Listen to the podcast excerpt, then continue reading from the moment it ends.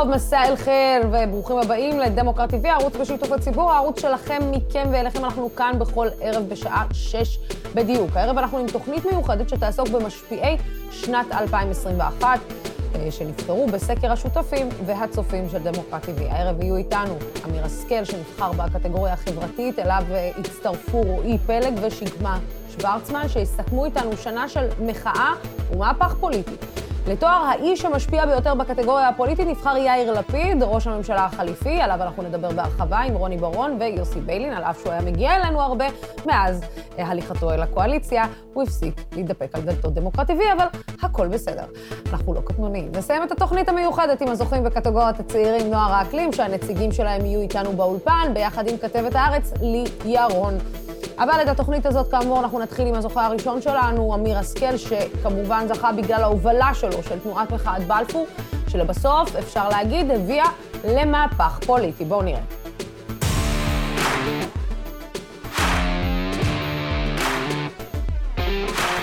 אתה מעכב אותו? אתה מדבר, מה אתה אומר לאדון? בבקשה, רבותיי, מעכבים את אמיר השכל. מעולם לא חשבתי שאראה את בית המעצר מבפנים.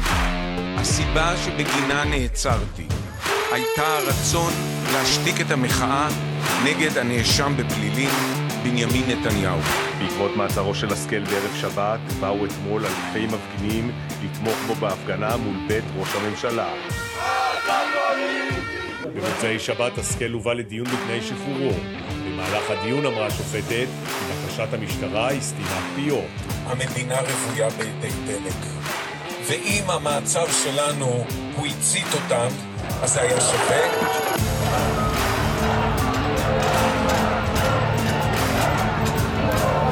כן, אז אני רוצה להגיד ערב טוב לאמיר השכל, לשקמה שוורצמן ולרועי פלג. תודה רבה לכם שהצטרפתם אלינו. נתחיל איתך כמובן, אמיר. אתה באמת מרגיש שלולא ההתעקשות שלך לצאת, להתחיל במחאה של איש יחיד אה, ברחובות, ולהתמיד בה, ופתח תקווה, ואז לעלות לבלפור, אתה חושב שלולא ההתעקשות הזאת לא הייתה קורית אולי מחאת בלפור, ואולי לא היינו מגיעים למהפך פוליטי? תראי, קשה לי uh, לומר. כשיצאתי לדרך, uh, המודל שעמד לעיניי זה היה מוטי אשכנזי אחרי מלחמת יום כיפור. ומוטי הצליח לגרוף אחריו עוד אלפים, שבתוך כחודשיים וחצי הביאו לכך שגולדה מאיר התפטרה. אה, זה לא קרה תוך חודשיים וחצי, זה לקח הרבה מאוד זמן. במהלך התקופה הזאת היו הרבה רגעים של אכזבות, בצד רגעים של תקווה, ואני, ואני שמח שזה נגמר כך. גיא, אה, כשאתה מסתכל על כל הסיפור הזה בעצם מהצד וכחלק פעיל, אמ, אה, סליחה, רועי, בעצם אה, אתה אומר לעצמך, כן, אנחנו יצאנו לדרך הזאת אה, כשידענו שאנחנו יכולים לעשות מהפך פוליטי, או שבעצם היה מצב סביר שאנחנו נסיים, אחרי חמש מערכות בחירות, אנחנו נסיים ארבע מערכות בחירות, אנחנו נסיים בדיוק באותו מצב. אני חושב שגם אני וכל מי שיצא לרחוב במהלך השנים האחרונות, קודם כל חיפש לעשות שינוי בעצמו. אני לא חושב שמישהו מאיתנו ידע מה תהיה התוצאה הסופית, ואני לא חושב שמישהו מאיתנו חושב שאנחנו בתוצאה הסופית. אמ, אין לי ספק שהדרך היא עוד מאוד מאוד ארוכה, ועל הדמוקרטיה הזאת צריך להמשיך ולהגן, וזה ממש ממש לא נגמר. אני תכף אה, אשאל אתכם, מה זה בעצם אומר, זה לא נגמר, כי לפעמים אנחנו רואים את הניצנים של, של כל מה שהרגשנו בממשלה הקודמת, קצת נמצאים גם בממשלה הזאת. אה, אבל שקמה, אני אעבור אלייך. אה, אפשר לסמן ניצחון ציבורי וניצחון למחאה ציבורית, שבעצם הקול שלנו, על אף שאולי הרגשנו שמנסים להשתיק אותו במשך כל כך הרבה זמן, הציבור קם ואמר את דברו? אפשר לסמן פה ניצחון לאזרחי ישראל בלי קשר ל... ל... ל... בלי קשר בעצם לכלום, מעצם זה שכל כך הרבה אנשים קמו בכל קצוות הארץ, מצפון ועד דרום, ו- ויצאו בקריאה אחת uh, מאוחדת, אחרי המון שנים של פילוג ושיסוי, ו- ובעצם תחושה של המון אנשים שהם, uh, שהם לבד במדינה הזו, אז הניצחון הוא מעצם העובדה הזו. הכוח שיש לזה בא לידי ביטוי גם ב, ב, ב, ב, בשינוי פוליטי, אבל, אבל הכוח הוא עוד הרבה יותר עמוק מזה, והשינוי וה, והניצחון הוא הרבה יותר עמוק מזה. היה רגעי תסכול אה, במחאה הזאת? אה, זאת אומרת, היה רגעים שהרגשתם על אף, אתה יודע, אמיר, אתה ידעת את זה טוב מאוד, על אף זה שהייתם שם כל יום, ו- וניסיתם להעביר את המסר, ואמרתם, אנחנו לא זזים מכאן. הייתה חוסר התעניינות תקשורתית, אולי לקראת, כל פעם לקראת מערכת בחירות כזאת או אחרת, התקשורת קמה והצטרפה אה, לסיקור המחאה.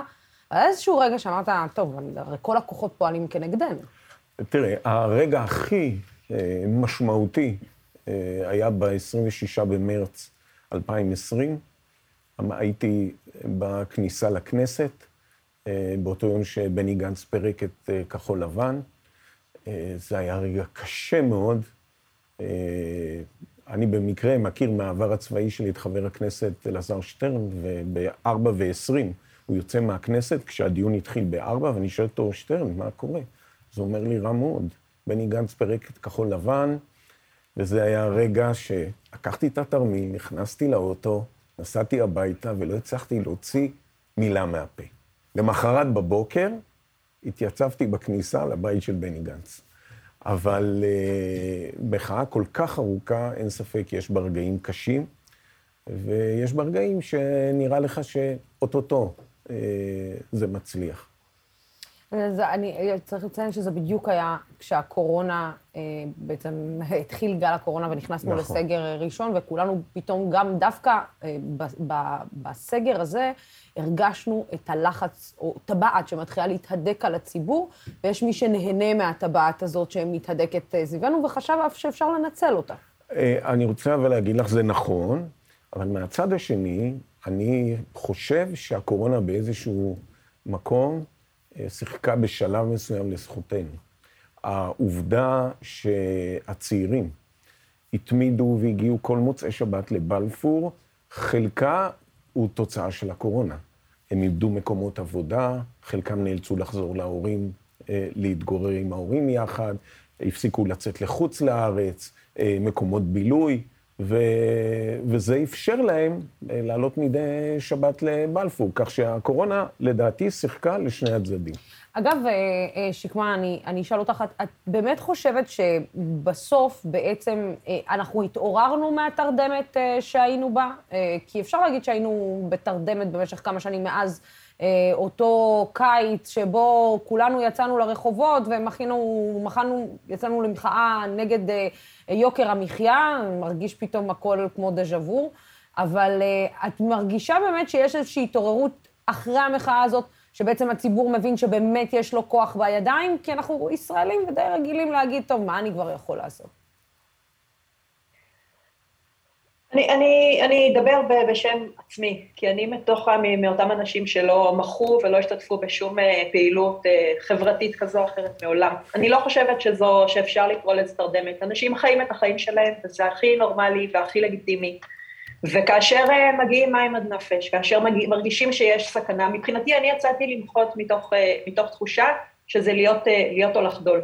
בדיעבד שאומרים את זה, וגם כשחושבים את זה תוך כדי, זה נשמע כמו קלישאות, אבל זאת הייתה התחושה של אה, צו שמונה בצורה הכי, הכי מובהקת שלו, אה, מתוך באמת חשש, חשש ו, ו, ודאגה לעתיד המדינה.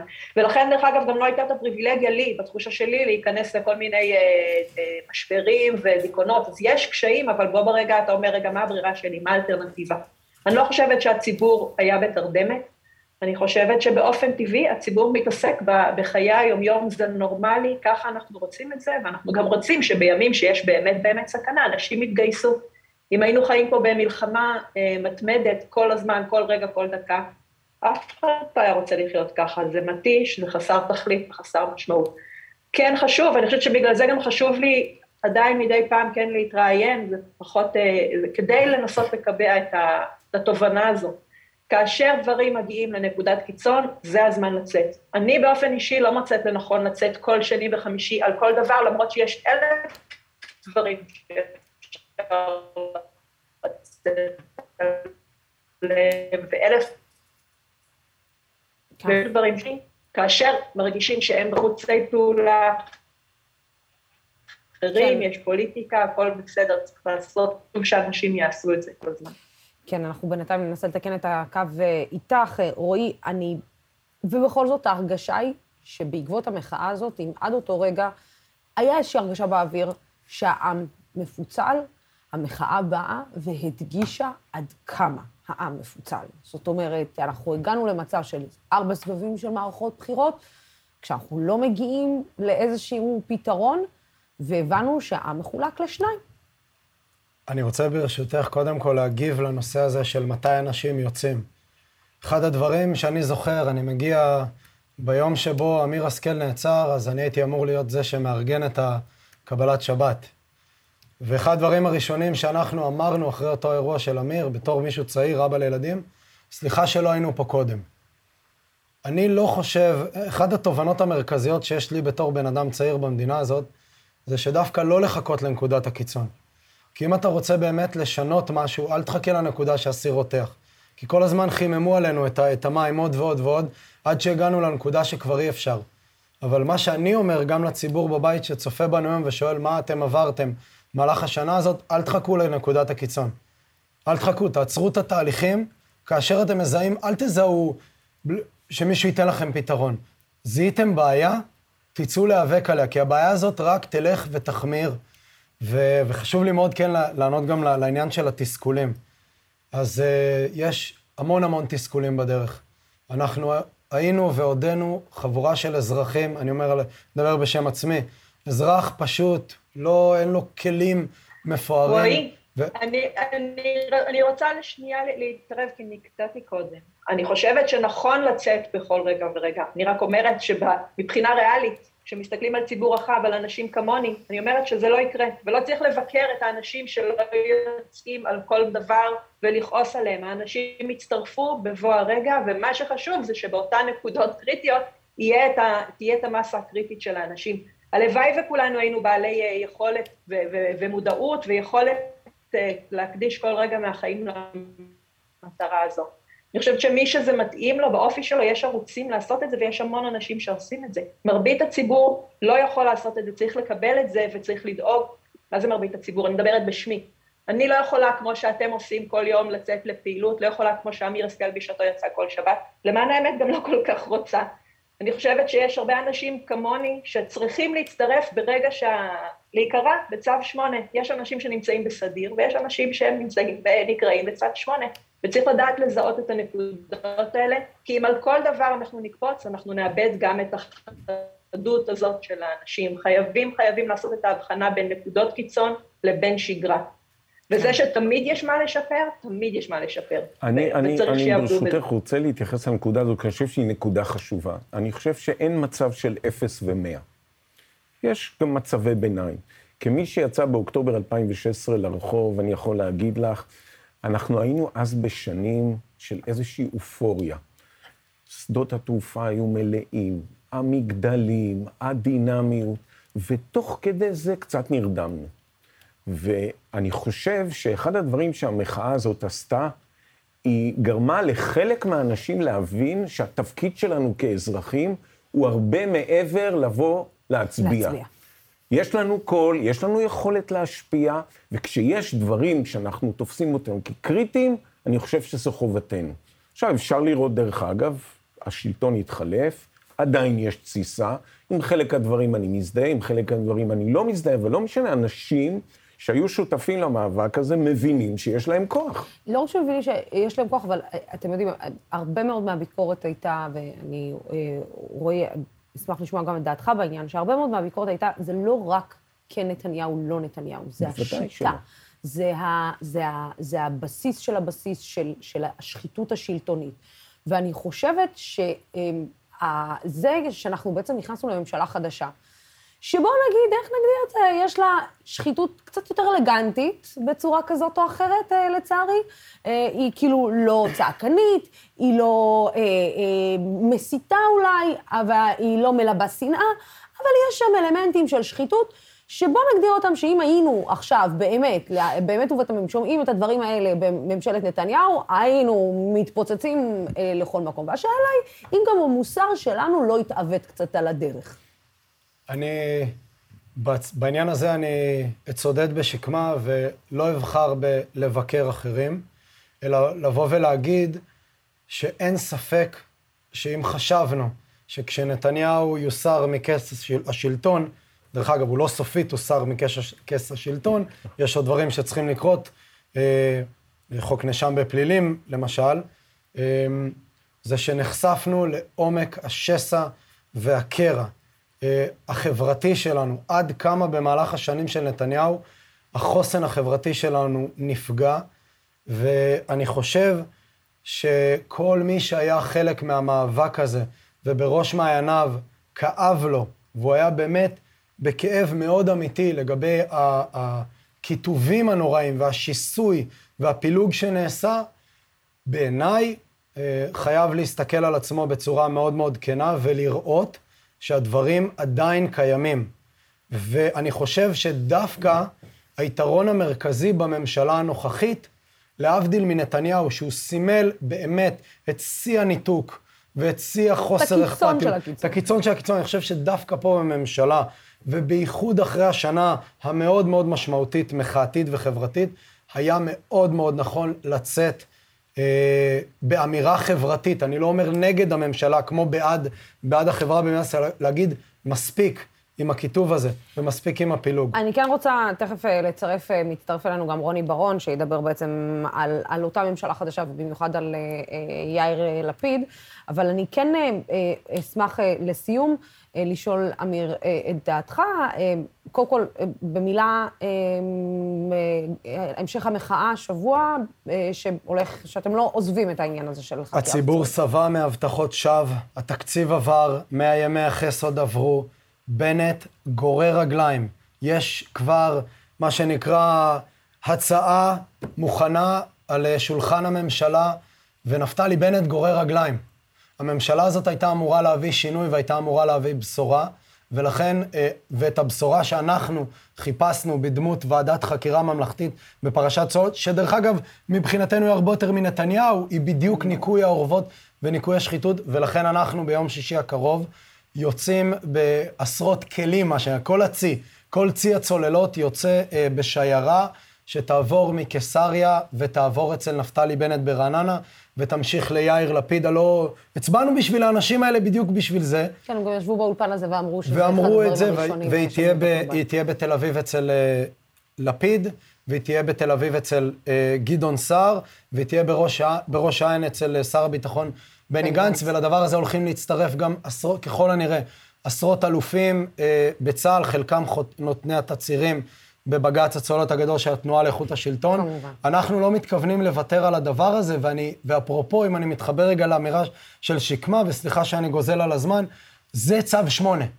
זה צו שמונה. כן. עכשיו אני קורא לכולם לצאת ולהצטרף אלינו, כדי לא לתת לדבר הזה לשקוע במצולות.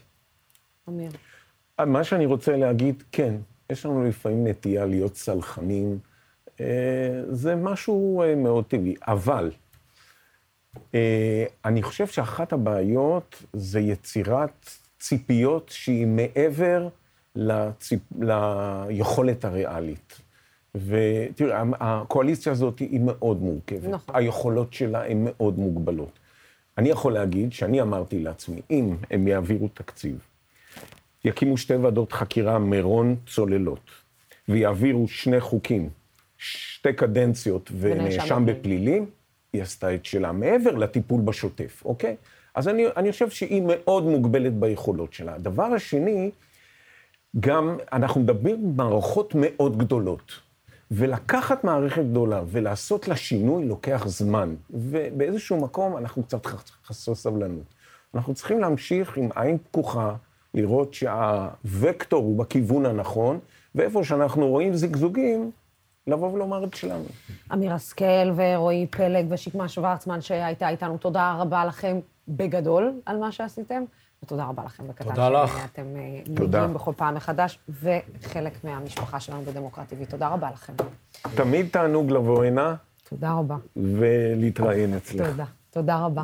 טוב. עכשיו אנחנו נעבור לזוכה הבא שלנו בקטגוריית הפוליטיקאי המשפיע של השנה, יאיר לפיד. הבחירות הקרובות יהיו על השאלה איזו ממשלה אנחנו רוצים כאן. ממשלת ימין קיצוני שמתעסקת בקומבינות ובסחטנות פוליטית, או ממשלה שפויה וליברלית שעובדת בשביל מעמד הביניים. זה שמשלם מיסים ומחזיק את המדינה בחיים. יש עתיד גדולה, יש ממשלה שפויה. משישה וחצי מיליון בעלי ובעלות זכות הצבעה יכולים להגיע אליהן ולהטיל פתק בעבור המפלגה שהם רוצים שתהיה בכנסת הבאה. לנתניהו אין 61 מנדטים ולגוש השינוי יש 61 מנדטים. מה שהיה הוא לא מה שיהיה. אני אנסה מצלצל לך להגיד שעלה בידי להקים ממשלה. אני מודיע היום שבכוונתי לפעול בכל כוחי כדי להקים ממשלת אחדות לאומית יחד עם ידידי יאיר לפיד. רבותיי, בלי מחיאות כפיים בבקשה. אדוני היושב-ראש, כנסת נכבדה, אני אוותר על הנאום שתכננתי לשאת. עליתי הנה רק מסיבה אחת, אני רוצה לבקש סליחה מאימא שלי. הנחתי שאתם תצליחו להתגבר על עצמכם ולנהוג בממלכתיות ברגע הזאת, הזה, והיא תראה איך מתחלף שלטון, ובמקום זה היא וכל אזרח ישראלי אחר גם מתבייש בכם וגם נזכר למה הגיע הזמן להחליף אתכם. תודה רבה. רבותיי, בלי מחיאות כפיים בבקשה. רבותיי.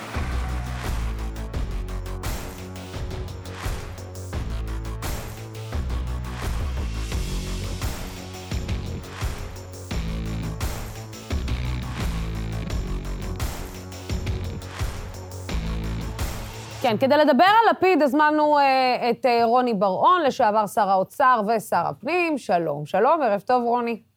שלום, לוסי, שנה אזרחית טובה לך ולכל עם ישראל.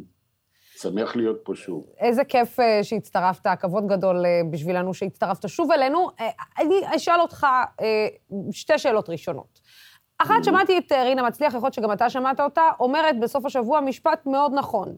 כשאתה מתנצל פעם אחת, זה מקסים. כשאתה מתנצל פעם שנייה, אומרים, וואלה, יפה.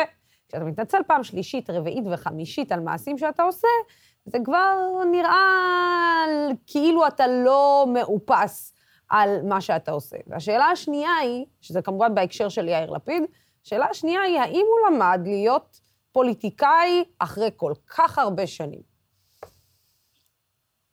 אז לא שמעתי את רינה מצליח. ואני יודע למה היא מכוונת, ואני לא מסכים איתה. זה נכון שכשאדם מתנצל פעם אחר פעם, אז uh, לכאורה הוא נתפס כאילו הוא מועד לטעויות, וההתנצלויות uh, סך הכל ממצוות איזשהו סיפור שלמה אתה לא חושב קודם, לפני שאתה עושה ואתה צריך אחר כך להתנצל. אבל אני לא מקבל לחלוטין את הכלל הזה. קודם כל, אני רואה בהתנצלות על טעויות ובתיקון טעויות ערך שאני מצפה ממנהיגים. אני לא מחפש מנהיגים שמנסים להסביר לך אחר כך למה טעות, לא הייתה טעות, ולהיתקע עם הראש בקיר. אני מאמין בכלל שאם טעית, תעצור, תסתכל, תשנה ותפעל. זה בעיניי כלל הרבה יותר טוב מכאלה שמתחילים להתחפר בתוך הטעות שלהם. אני מסכים שליאיר היו כמה דברים שהוא התנצל עליהם בצדק. חלקם מינוריים וחלקם מז'וריים. סוג של אמירות שלא היו מבוססות, או אמירות שאם היה חושב קצת יותר ולא שולף כל כך מהר, לא היה אומר אותם. ההסתבכות מיותרת שהייתה לו עם המינוי של אה, גיסתו לתפקיד, לדירקטוריון קק"ל, שהוא הבין שזה לא נכון, ולמרות שהוא אמר שהיא באה כי היא בעלת ניסיון ענק והיא לא מקבלת כסף, זה לא ניקה את זה, הוא עצר את זה, היא ויתרה על המינוי כנראה בתיאום איתו, והתנצל, וזה בסדר גמור. כאלה שלא יודעים להתנצל, היו לנו כאן יותר מדי זמן. אני מעדיף את המתנצלים על המתחפרים. עכשיו, אה, אם מותר לי, בעניין הבחירה שלכם, אני חושב שהיא לגמרי צודקת, גם אם יכול שניתן היה לחלק את הכתר ליותר מאדם אחד, אני חושב שיש עוד אנשים שרואים לכתר הזה. והכהונה הזאת של איש השנה בפוליטיקה היא כהונה שנגזרת מה... איך הייתי אומר, התופעה הטקטונית שהייתה פה, שנפרדנו לשלום עם ברכת הדרך אה, מבנימין נתניהו. וזה לא היה משחק של איש אחד.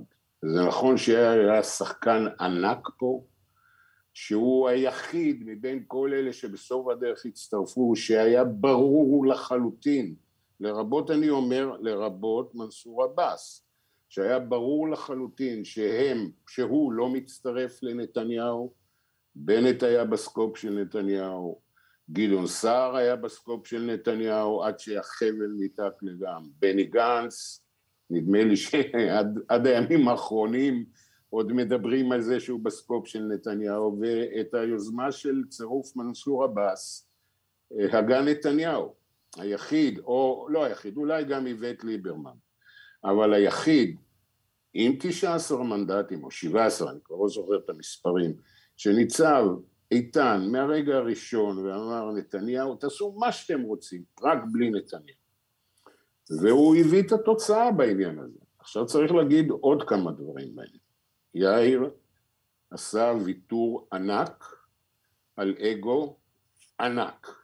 האגו של יאיר נתניהו של יאיר לא לפיד. של יאיר לפיד, לא, יאיר נתניהו גם יש לו אגו לא קטן. כן, ברור. יאיר לפיד, בסדר, אבל איזה טעות פרוידיאנית יפה, זה מה שנקרא שתעשו פעם אה, על כל מיני אה, פליטות פה של מרואיינים, זה יכול להיכחד. לגמרי. האגו של יאיר לפיד, שאת ואני מכירים בכל עם ישראל, אה, הוא אגו, אגו באמת שבשיאים אדירים, והוא ירד מהאגו הזה. ואפשר לכל קומבינציה לקרות, תוך שהוא זז הצידה. וממש בעבודה, כאן גם גדעון עבד יפה, וליברמן עבד מאוד יפה, ונפתלי בנט עבד מאוד יפה. בקיצור, כל החבילה הזאת של האנשים, כל אחד ויתר באמת על מה שפעם חשבנו שזה ייהרג ובל יעבור, והם ביטלו את המונח הזה, משום שהמטרה של להפסיק את השלטון של הליכוד או של נתניהו, קידשה בעבורם את הרעיון המסדר שאנחנו עושים את כל הוויתורים האפשריים. קחי את מנסור עבאס, היה לי קל הדבר בעינייך, הוא הלך לממשלה שהעומד בראשה הוא אה, הקיר הימני של כל הקשת הפוליטית. זה לא קל, ברור שזה לא קל, מרב מיכאלי עשתה פה ויתורים, וכל מרכיבי הקואליציה. אגב, אתה יכול אגב- לדמיין, אה, רוני, אה, בזמן אחר, ראש ממשלה, אה, כאילו, יכלת בכלל לדמיין את זה, גם כשאתה מסתכל אחורה וגם בראי ההיסטוריה, את הטענה של ראש הממשלה עם שישה מנדטים, האם זה ראש זה ממשלה... לא אומר, זה לג- לא זהו. אומר, זה, תראי, זה, יש על זה אין ספור בדיחות של מי מוסיף את הגרוש לשקל.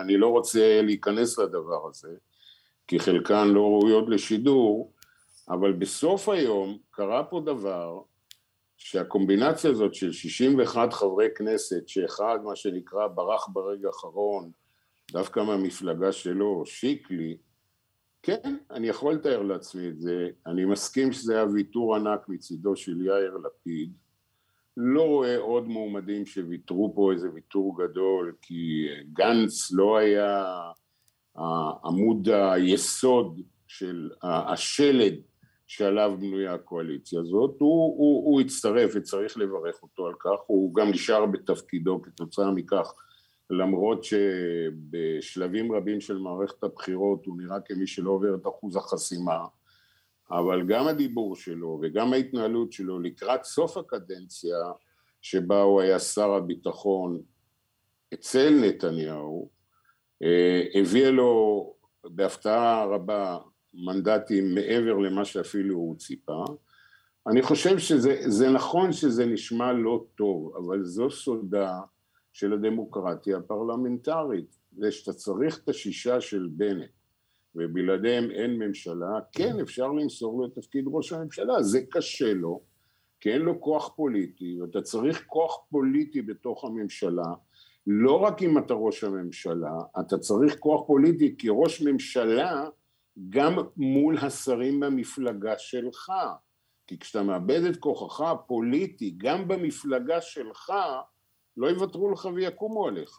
וזה זה מצב די מדהים. בדרך כלל ממשלות האחדות שהיו כאן היו יחסית די קלות למרות הקיטוב ביניהם, כי עמדו גופים גדולים, 40 ו-40 מנדטים, 47 ו-48 מנדטים, אז לא היה צורך לעשות את כל המניפולציות האלה. יש שגיאות שהממשלה הזאת עושה.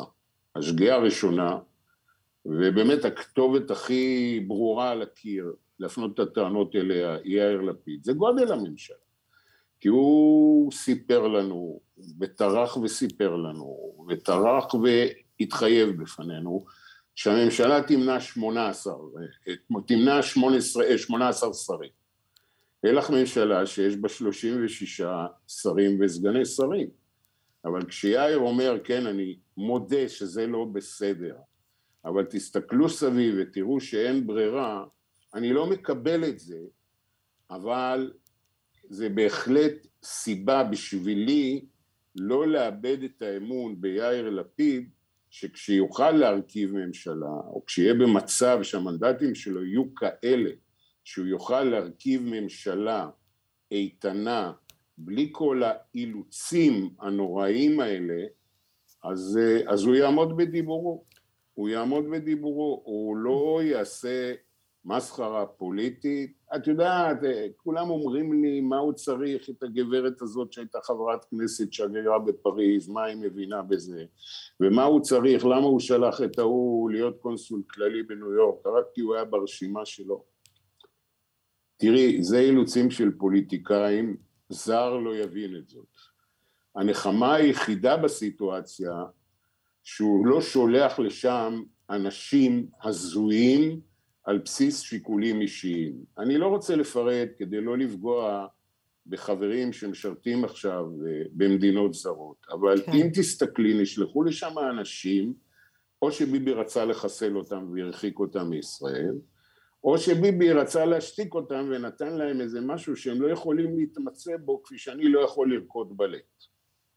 זה אה, אה, אצל יאיר, את, את, את, איך אני אומר, יש תקלות ויש דברים שאפשר לתפוס אותו בדיבורו שהוא התחייב ועוד לא מילא, עוד אין לו את האפשרות למלא את זה, אבל זה לא מאוס, זה לא מריח מלמעלה עד למטה פרטנזיות אישיות ונכלולים ותחבולות אישיות.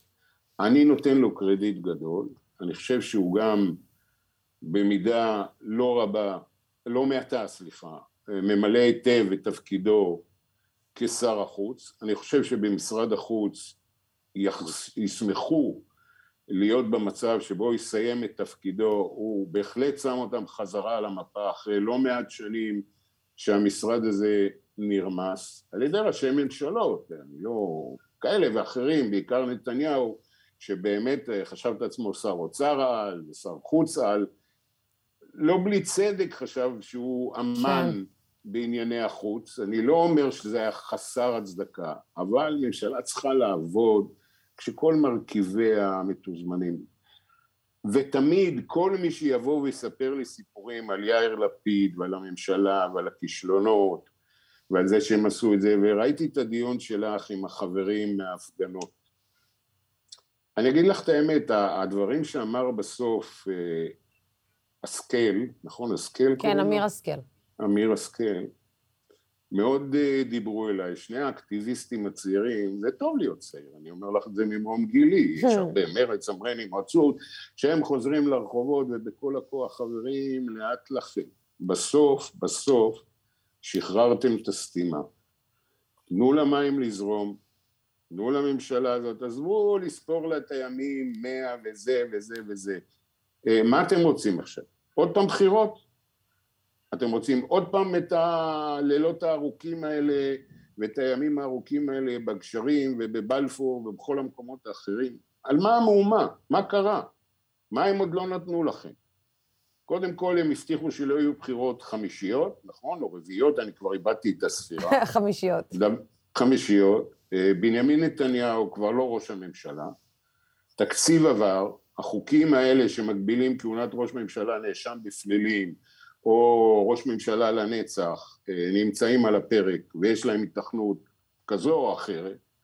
את הוועדת חקירה של מירון אכן מינו, אז ועדת החקירה של הצוללות היא כנראה תהיה, כי גנץ רוצה אותה, והיא תקרה, היא תקרה. רק היום הוגש כתב האישום בפרשת הצוללות, אני חושב, כן. או לפני כמה זמן הוגשו כתבי האישום בפרשת הצוללות, וההחלטה של פרשת הצוללות היא לא של הממשלה, היא של מנדלבליט. אתם רוצים להפגין אצל מנדלבליט, אה, תבלו בנעימים. אבל כבר להתריס ולהגיד שבנט ולהעביר אצלו בבית ואצל גדעון סער ואצל יאיר לפיד, לאט לכם חברים, לאט לכם. אני מכיר את הדור הצעיר, הם רוצים הכל כאן ועכשיו ומהר, ואני מסיר את הכובע בפני הפעילות היפהפייה שהם עשו פה כאן בשנים האחרונות, אבל אה, תנו הזדמנות לחברים האלה. אני לא כן. הצבעתי כן. לאף אחת מהמפלגות האלה שמרכיבה את הקואליציה, לא, לא הצבעתי, ואני חושב שראוי לתת לה צ'אנס, אני חושב שזה אנשים שבאים בטוב, עושים טוב, איך היינו אומרים פעם? יש סימני נפט, יכול להיות שיקפוץ לנו מהקידוח הזה. לא, אני מנסה לחשוב אה, למי הצבעת, אז אה, אתה יודע, כאילו, זה, עכשיו אני מתחילה... לא, לא, לא, לא. רשימה משותפת לא נראה לי. לא כל כך, לא כל כך, לא כל כך, לא כל כך, וגם לא בן גביר וסמוטריץ'. זהו, זהו, לא נשאר הרבה. ובטח לא ליכוד, נכון? נכון. אז לא הצבעתי. אז לא הצבעת. לא הצבעתי, לא, לא, לא הצבעתי. וואו. וואו, אם אתה לא הצבעת, אם אתה, כן, אם אתה לא הצבעת, זאת אומרת ששם באמת היינו במקום גרוע מאוד. הנה אני אומר לך, התייאשתי. הבנתי שזה more of the same, אני שמח וואו. שקרה, בניסים ובנפלאות קרה, ואני מקווה שבעוד ארבע שנים אה, להיות בטוב וללכת להצביע. אה, רוני ברון, קודם כל אנחנו מאחלים לך להיות בטוב. שתיים, איך אני יודעת שהמרואיין יותר טוב מהמראיינת? כשהמראיינת בעצם, המרואיין ענה על כל השאלות שכבר רצו לה בראש, אז היא כבר לא הייתה צריכה אפילו לשאול. זה לא, זה לא, אי אפשר להיות יותר טוב ממך, אבל... לא, לא, לא, קטונתי, קטונתי, קטונתי. רוני ברון, תמיד תענוג לדבר איתך, תודה רבה לך. תודה רבה, תודה רבה, לוס. תודה רבה. שלום, שלום, ביי. שלום. כדי להמשיך ולדבר על יאיר לפיד ועל השנה הפוליטית, אני רוצה להגיד ערב טוב ליוסי ביילין, לשעבר שר המשפטים. שלום, שלום לך. אה, טוב אה, אה, לראות אותך איתנו שוב. בוא רגע באמת נסתכל על יאיר לפיד. הרבה אומרים, אנחנו רק נגיד שלפי הצופים שלנו, מנסור עבאס הגיע למקום השני כפוליטיקאי הכי משפיע, ויאיר לפיד גרף את, את המקום הראשון. אתה יודע, אני, אני כל הזמן כזה מתלבטת, כי הרי אם מנסור עבאס לא היה עושה את הצעד הזה, בוא נגיד בהכשרתו של בנימין נתניהו, הממשלה הזאת לא הייתה קורית. ולכן? ולכן אני, אני, כאילו, נראה לי שלמי שמגיע אולי תואר אה, פוליטיקאי השנה, זה דווקא למנסור עבאס, אה, שעשה מול יאיר לפיד, או עם יאיר לפיד עשה את המהפך הזה. פוליטיקאי השנה זה או בנט או לפיד. הם, הם עשו כאן מין הוקוס פוקוס כזה. זה שהם הצליחו להביא אה, לאוהל את עבאס, זה כמובן יתרון להם, זה לא בהכרח אה, היתרון שלו. זה שהוא הפתעת הש... השנה, זה אולי כן, אבל הפוליטיקאי המשפיע והמשמעותי של השנה זה שני אנשים, זה בנט ולפיד. אתה לא חושב שהוא בעצם הביא למהפך בסופו של דבר, אה, מנסור עבאס? בסדר, והוא הביא... הוא קיים משא ומתן עם שני הצדדים, ובסוף הוא הלך עם אחד מהם, אבל הוא לא, לא בעט בשני.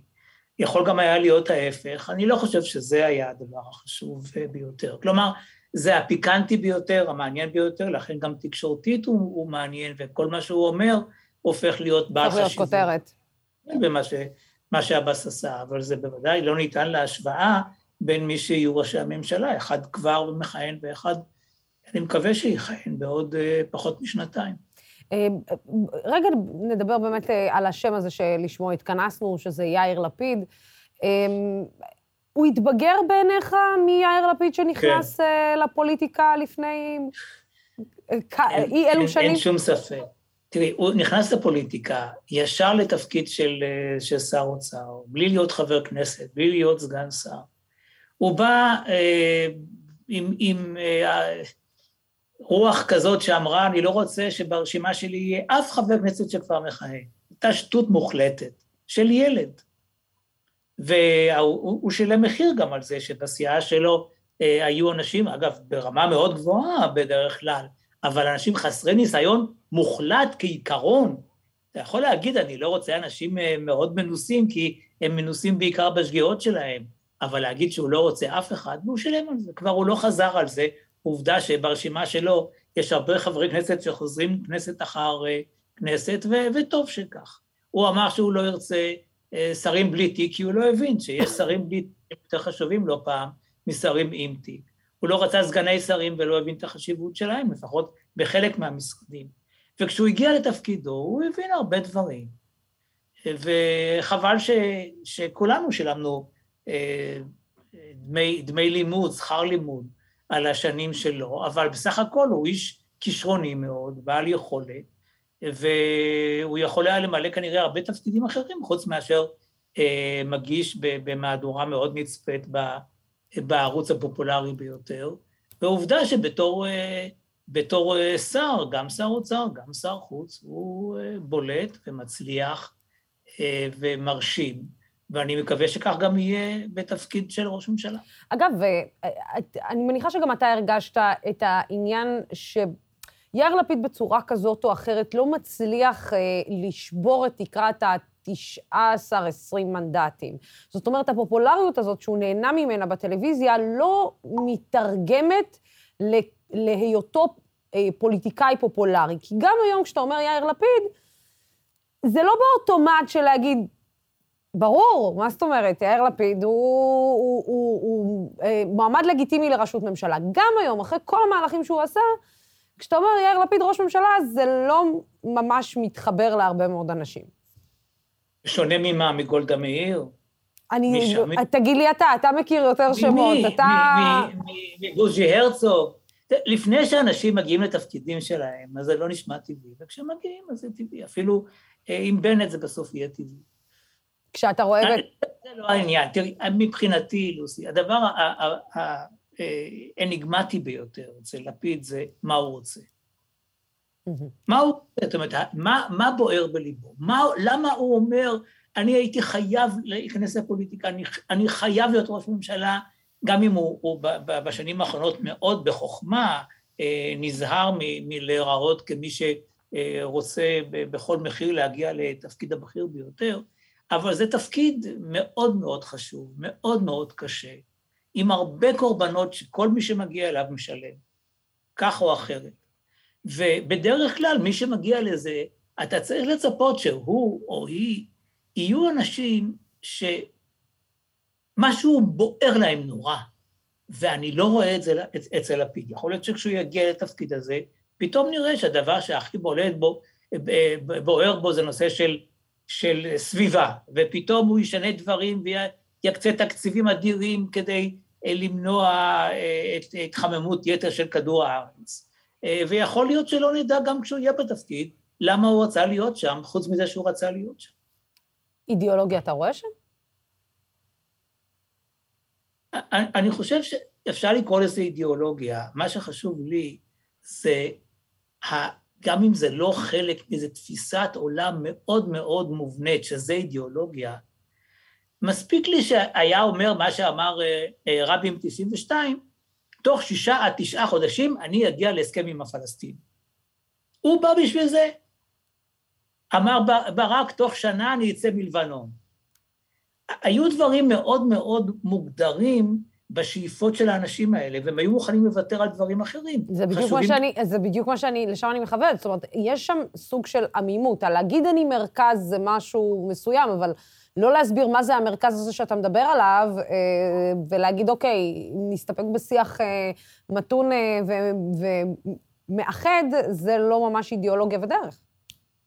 תראי, אנחנו כולנו, אני, אני מניח, כלומר, המחנה של המרכז-שמאל, כל כך מבסוטים מזה, שזה לא אמסלם, ו...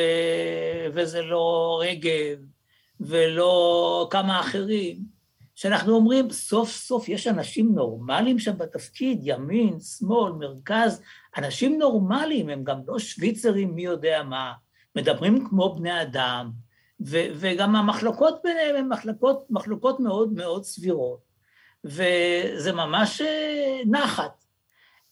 אבל צריך יותר מזה, וזה עדיין לא. השאלה היא, אתה רואה לדבר הזה היתכנות? זאת אומרת, מדיניות העמימות שעברה מהגרעין אל הפוליטיקה הישראלית, אתה רואה, לה, אתה רואה אותה ממשיכה, או לממשלה הנוכחית, אתה רואה אותה באמת מאריכה ימים? אם, אם את מדברת על מלוא הקדנציה, זה לא בלתי אפשרי. האם אני הייתי רוצה שבישראל ימשלו ממשלות כאלה לעד? חלילה וחס. חלילה וחס. תראי, מה, ש, מה שכאן היה במשך הרבה שנים, זה שהיה היה ימין והיה שמאל, והחרדים הלכו פעם עם הימין ופעם עם השמאל. זה היה העניין. כל, כל צד ניסה לממש את התפיסה המדינית שלו והחברתית שלו כאשר הוא הגיע לשלטון, והוא העדיף לעשות את זה עם החרדים, שהסתפקו לקבל עבור המגזר שלהם, ולא דרשו בדרך כלל דברים מחוץ לסיוע למגזר שלהם. לכן היה קל שהם יהיו חלק מכל קואליציה. זה לא המצב היום. אז אני לא, מתג... לא מתגעגע בהכרח לחרדים, ואני לא מתגעגע בוודאי לממשלות קודמות, אני מוכן לשאת את הממשלה הזאת, שבעצם לא מובילה למשהו ברור, לא לכאן ולא לכאן, עוד כמה שנים, וליהנות מזה שהממשלה הקודמת כבר לא כאן. אבל זה לא יכול להיות לאורך יתמים. כן. Uh, הדברים uh, ברורים. Uh, יוסי ביילין, תמיד תענוג לדבר איתך ולקבל את הדרך המאוד ברורה. לפעמים לפקוח לנו את העיניים כשהן עמומות, או, אתה יודע, מבוסמות משינוי. יוסי ביילין, תודה רבה לך על הדברים האלה. תודה, תודה לך, לוסי. תודה. עכשיו אנחנו נעבור לחלק השלישי של המשדר המיוחד הזה, הזוכים בקטגוריית הצעירים, נועה רקלי. Israel is at the beginning of a revolution on climate change. We recently started implementing our 100-step plan, which means that we're currently doing more to promote clean energy and reduce greenhouse gases than at any other time in our country's history. כרגע אנחנו רק עוד באמת כנס יפה, זה אולם יפה, זה מיצג של כדור הארץ גדול, ונאומים פנסי והבטחה, אבל אי אפשר להאמין להם עד שאנחנו נראה פעולה, וכרגע אנחנו לא רואים שום פעולה משמעותית. זה אמור להיות בעיה של כולנו, וזה אמור להיות משהו שמעניין את כולנו, וכולנו פועלים לגביו. כולנו כאן היום כדי לדרוש מממשלת ישראל לקחת אחריות ולפעול למען מדיניות אקלים.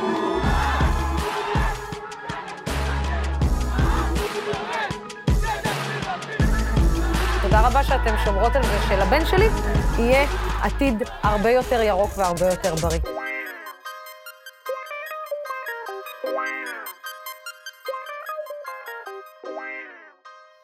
אוקיי, ואני רוצה להגיד ערב טוב לגילי ברקוביץ', לאבלין וייסבורד וגם לאלמה פומגרין, נכון? אני, אני כל הזמן אה, כזה מתבלבלת. אה, ואליכם מצטרפת אלינו בזום כתבת הארץ למשבר האקלים ותחקירי סביבה, לי ירון, שלום, שלום אהובה.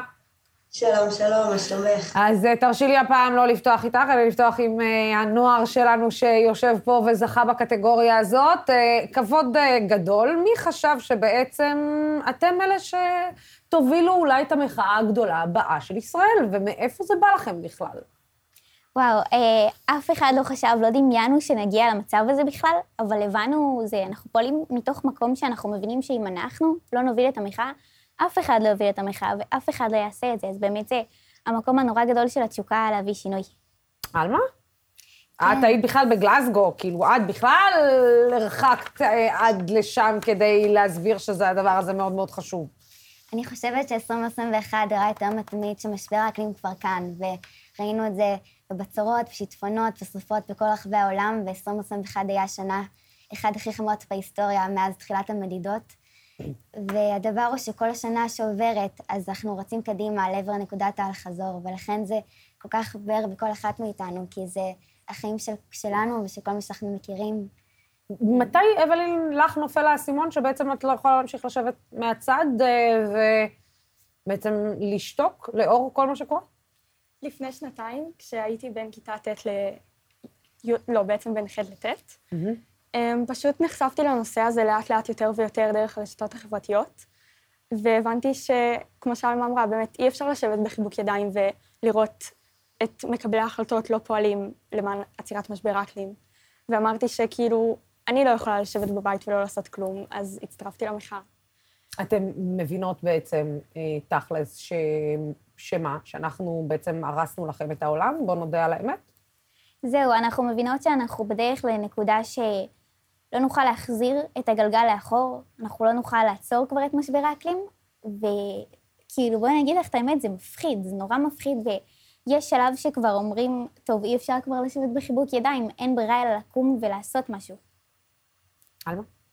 כן, באמת, רואים באמת השלכות בכל העולם, וגם, זה גם כאילו חשיבה על העתיד, אבל גם ממש על היום שרואים את זה, וגם כשהייתי באמת בקופ, אז שפגשתי בני נוער מכל העולם, שחווים את זה על, על בסיס יומי, וזה ממש, כאילו, קשה, קשה, קשה לראות את זה. זה פחד קיומי בעצם, ש, שלא יהיה לכם מקום לחיות בו? זה, זה הפחד שבעצם מניע אתכם? כן, וזה לא משהו שהוא רחוק כמו שמתארים את זה לפעמים, זה משהו שהוא קורה יום-יום, גם בארץ, אבל גם בישראל. אפשר לראות שיש לנו גלי חום, אירועי מזג אוויר קיצוניים יותר ויותר משנה לשנה. הצפות, שיטפונות, כל זה נגרם כתוצאה ממשבר האקלים, וזה הולך רק להחריף ולהחריף אם לא נפעל לעצור את זה. תכף אשאל אתכם, מה יש לכם להגיד לנו, המבוגרים, שבאמת דאגנו להחריב לכם את העולם אה, ולא להשאיר לכם הרבה אה, אחרינו, אבל לי, זה, זה חדש. זאת אומרת, זה שהאקלים בעצם סוחף צעירים, דור שאנחנו, בוא נגיד, המבוגרים שמצקצקים בלשוננו אומרים, אוי, זה דור שלא אכפת לו מכלום, אוי, זה דור שעסוק בעצמו, הם בסוף בעצם אלה שעושים את השינוי בכל מה שקשור למשבר האקלים. זה פחות, אה, פחות המבוגרים, בוא נודה על האמת. נכון. אה... לוסי, היום זה יום הולדת 19 של גרטה טונברג, שהתחילה את התנועה הזאת של נוער האקלים באוגוסט 2018, והילדה הזאת, אמ, שהצליחה להשמיע את הקול שלה אחרי שכל כך הרבה מדענים ומבוגרים דיברו, הרי עוד משנות ה-60 של המאה הקודמת ולא נשמעו, אה, היא הניעה אחריה, כמו נוער האקלים המדהים שיש לנו בישראל, תנועה של כבר כמעט 15 מיליון בני נוער ויותר מ-7,500 ערים בעולם.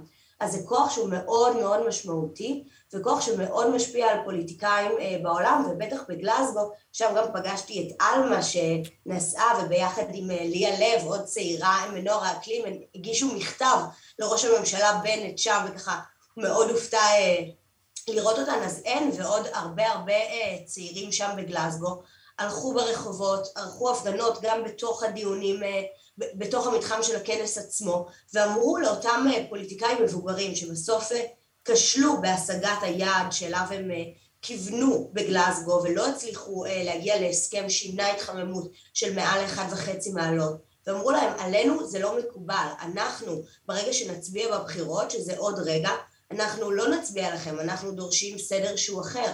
ואנחנו רואים איך הם מניעים את ההורים שלהם ואת המורים שלהם שלא יודעים על המשבר ואיזה היפוך תפקידים יש כאן. חלק מה... גם מהנוער הישראלי, עשינו כתבה מאוד גדולה איתם לפתיחת שנת הלימודים וישבתי עם חמישים מהם, הם אגב תנועה, את רואה כאן שלוש בנות מקסימות אבל הם כבר שש מאות בני ובנות נוער אה, בארץ בפעם האחרונה שאני התעדכנתי, ממש מכל רחבי הארץ, לא רק תל אביבים, מנהריה ומבית שמש ומהמון המון אזורים אה, והם אה, פועלים כל יום שישי, הם עושים שביתות והם לא הולכים לבתי הספר כדי להגיד למורים שלהם שיש דברים יותר חשובים עבורם מהלימודים, שזה העתיד שלהם, וחוץ מזה הם ממש נכנסים לכיתות והם מלמדים את החברים שלהם על משבר האקלים, כי הם יודעים, טוב, אה, כמו כולנו, חלק מהדברים שאנחנו מנסים לחשוף עכשיו, שבמשרד החינוך לא מלמדים כמעט על משבר האקלים, ואם מלמדים, הראינו לא פעם שזה מכל מיני סרטונים שחברות הנפט והמזהמים לימדו. ועדיין לא ראינו את השינוי המיוחל, למרות ככה ניצנים של תזוזות אצל יפעת שאשא ביטון, שאגב, הילדות האלה, ואם אני לא טועה, גילי ברקוביץ' יושבת פה, אחת המובילות שלהם הלכה, והם נפגשו עם השרה ועשו הפגנות מחוץ לבית שלה, ודרשו תשובות, כלומר, והדברים האלה הם דברים מאוד משמעותיים שלא ראינו מספיק מבוגרים עושים, ואולי לוסי הדוגמה הכי טובה, זה סיפור שפרסמנו בשבוע שעבר, על פגישה שהייתה של נוער האקלים הזה, שהבנות האלה ישבו שם, הם תכננו את פעולות המחאה שלהם נגד חברת קצא"א, לקראת דיון שהתקיים בבית המשפט. ובזמן שהם יושבים בפגישה, הם פתאום רואים איזושהי משבצת מושחרת של אדם שהם לא מכירים, ומנסים ככה להבין מי זה, והם רואים שהם איזשהו שם שנראה להם מוכר, ואז אחד הילדים אומר, רגע, זה אותו בן אדם שעובד עם קצא"א, שמייעץ לקצא"א, ובמפגש שאנחנו הלכנו והפגנו בו לפני כמה שבועות, דיבר איתנו, ואז הם הבינו שחברת קצא"א בעצם מרגלת אחריהם ושולחת אנשים להאזין לפגישות שלהם. עכשיו, את יודעת, זה רק איזה מדהים. סיפור קטן, אבל נראה לי שזה מראה כשחברה ממשלתית גדולה שולחת נציגים שלה, או לא שולחת, או שהם הולכים, את יודעת, מטעם עצמם, אנחנו אה, אה, ככה לא יודעים... לפגישה עם בני נוער, זאת אומרת שהם מבינים כאילו כמה בני הנוער באמת יכולים להשפיע, זה מדהים מה שאת אומרת, זה כאילו הם מפחדים מבני נוער, זה, זה מאוד משמח. מאוד, יש להם כוח אדיר היום, ואני חושבת שפוליטיקאים בישראל, את יודעת, הם רק בהתחלה, ראינו את בנט רק מתחיל ללמוד על הנושא, ואני חושבת שהעתיד שלנו תלוי גם בפעולות של החבר'ה האלה שיגידו לפוליטיקאים, אנחנו, מה שכרגע קורה הוא ממש לא מספיק, ואתם עכשיו לוקחים לנו את העתיד. אגב, את רואה בהתנהלות של הממשלה הנוכחית איזשהו חלחול של, שצריך בעצם לעשות שינוי, שצריך להעביר את מוקדי הכוח מבעלי ההון והטייקונים שבעצם מחזיקים בכל הקידוחים ובכל, ואחראים לכל כך הרבה זיהומים סביבתיים, מבינים שצריך להעביר את מוקד הכוח בעצם בחזרה לציבור שעליו הם באמת אמורים להגן, ולא על הטייקונים? חלחול אמיתי אני לא רואה, לוסי. אני רואה התחלה של ניצנים של שינוי. דוח מבקר המדינה הגדיר את זה יפה, שהוא אמר שמה שקרה בשנים שעד עכשיו, עד הממשלה הזאת, זה היה בין פיגור לאפס. כלומר, עד עכשיו לא התכוננו, לישראל אפילו לא היו יעדים להפחתת פליטות גזי חממה שהם אה, אמיתיים, והם לא איזה צמצום עם אה, כוכבית, לא היה לנו תוכניות אמיתיות שיגנו עלינו, כלומר, המצב היה אה, הכחשה דה פקטו, אוקיי? גם אם לא מכחישים, התעלמות מוחלטת, למרות שישראל היא אחת המדינות הכי פגיעות למשבר האקלים, ואמרו נכון הבנות, בדיוק פרסמנו את דוח סיכום השנה של השירות המטאורולוגי ל-2021. אנחנו רואים משבר האקלים זה כאן, 2021 הייתה השנה הרביעית הכי חמה בישראל אי פעם מאז שהחלו המדידות. אנחנו רואים את ההתקצרות של החורף ופתאום קשיים הרבה יותר קיצוניים. אלה הדברים שהולכים לקרות לנו וזאת הייתה רק טעימה. ומול הדבר הזה, לוסי, האם יש שינוי באמת שהוא אה, ענק, שאנחנו יכולים להיות הרבה יותר רגועים, שהעתיד שלנו יותר בטוח, שישראל המעצמת הייטק, כמו שנפתלי בנט אוהב להגיד, עושה כל מה שהיא יכולה בשביל אה, א', להגן עלינו, ב', להירתם למאמץ הבינלאומי? ממש לא, ממש לא מספיק. ואגב, דיברתם קודם על יאיר לפיד, זאת אחת הדוגמאות הטובות, יאיר לפיד אוהב לדבר עם נוער האקלים, נפגש איתם, כמו בנושא של קצא"א, אמר, אני לא אתן להסכם הזה להיות, אני עומד לצדכם, אני פועל למען משבר האקלים, אבל בסוף כשאנחנו רואים את התשובה שלו על קצא"א לבית המשפט, היא תשובה מאוד מתחמקת שלא אומרת שהוא מתנגד, אז הוא כבר מבין שיחסי הציבור ודעת הקהל נמצאת לצד הנוער הזה, אבל בפעולות עדיין לא מספיק. הגיע הזמן לעשות איזשהו סרטון על uh, יאיר לפיד uh, שאומר לכם, ברור, ברור, ברור, ברור, ואז זה, זה, הנה רעיון אני זורקת לכם. זה מאוד יציק לו, אני בטוחה. uh, אני אשאל אתכם לפני סיום, אתם כועסים עלינו, המבוגרים? כן, אנחנו מרגישים שאנחנו הופקרנו, ואני לא סתם אומרת את זה כמילה מפוצצת, אני מרגישה, ואני מציירת עוד הרבה, שמרגישים שהופקרנו ושלא מספיק אכפת לדור המבוגרים ואין להם כוח לעשות שום דבר. כי אנשים יודעים שזה כאן, ומי שלא יודע צריך לדעת וצריך להנגיש את הידע הזה. ואין מצב שבעולם שעכשיו אני הולכת למישהו ברחוב ואני שואלת אותו, תגיד, אתה יודע מה זה האיום הקיומי הכי גדול? והוא אומר לי, לא. לא, הוא יגיד לך איראן. חמאס. זהו.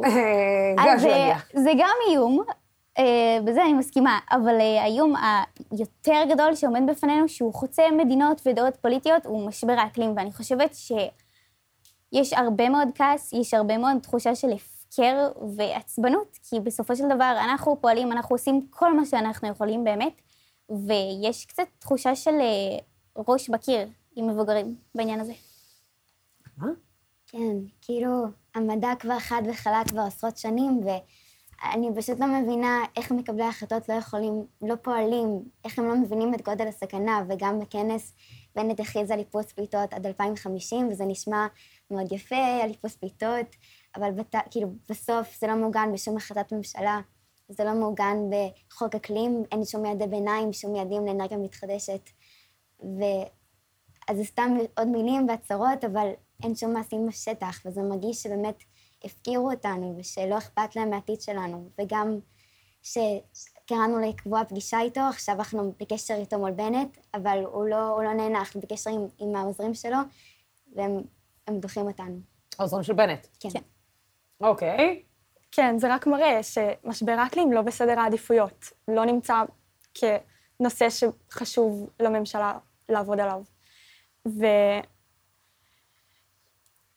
אה, זה לא נמצא בעצם בסדר העדיפויות של אף אחד, שלא לדבר, שזה בטח לא נמצא בסדר העדיפויות של מבוגרים, שמשום מה סדר העדיפויות שלהם מאוד מאוד מבולבל. אבל אני אמליץ לכם. אני באמת ממליצה לכם לעשות וידאוים שקשורים אה, לכל אחד מהפוליטיקאים האלה, שמתעלמים מכם. הם שונאים שיש וידאוים לא מחמיאים שלהם, שהופכים להיות ויראליים. הם מתחרפנים מזה. תשאלו אותי על כמה פוליטיקאים שעצבנתי בווידאוים שהפכו להיות ויראליים, והם לא מדברים איתי עד היום. אבל תאמינו לי, במיוחד שיש לכם את הכוח, שאתם אלה שהולכים להצביע בבחירות הבאות, קחו את זה לתשומת לבכם. תזכירו להם שאתם הולכים להצביע בבחירות הבאות. כן. זה אולי יזיז אותם. אה, אבל אה, יאיר לפיד ונפתלי בנט, לתשומת לבכם, המצביעות הבאות, אתם מתעלמים מהם, זה לא יפה, ואתם מחרטטים אותם, זה עוד יותר לא יפה. ל... איך אומרים? לטיפולכם. לי ירון, אהובה שלנו, תודה רבה אה, שהיית איתנו, אבלין, עלמה וגילי, תודה רבה לכן בכלל על מה שאתן עושות. ואיך אני, אני אגיד, בשם המבוגרים אנחנו מתנצלים. אני מתנצלת לפחות אה, על זה שלא עשינו מספיק ולא התרענו מספיק. ותודה רבה לצופים ולשותפים של דמוקרט TV, התוכנית הזאת אפשרית רק בזכותכם. בימים כמו אלו הולכת ומתחדדת החשיבות של ערוץ תקשורת שלא מפחד להביע עמדה נחרצת בעד הדמוקרטיה ובעד שלטון החוק, בעד המאבק בשחיתות ובעד מגוון של דעות. המהדורה המרכזית של דמוקרט TV בימים ראשון עד חמישי בשעה שש. בינתיים אנחנו נתראה מחר. סלמת.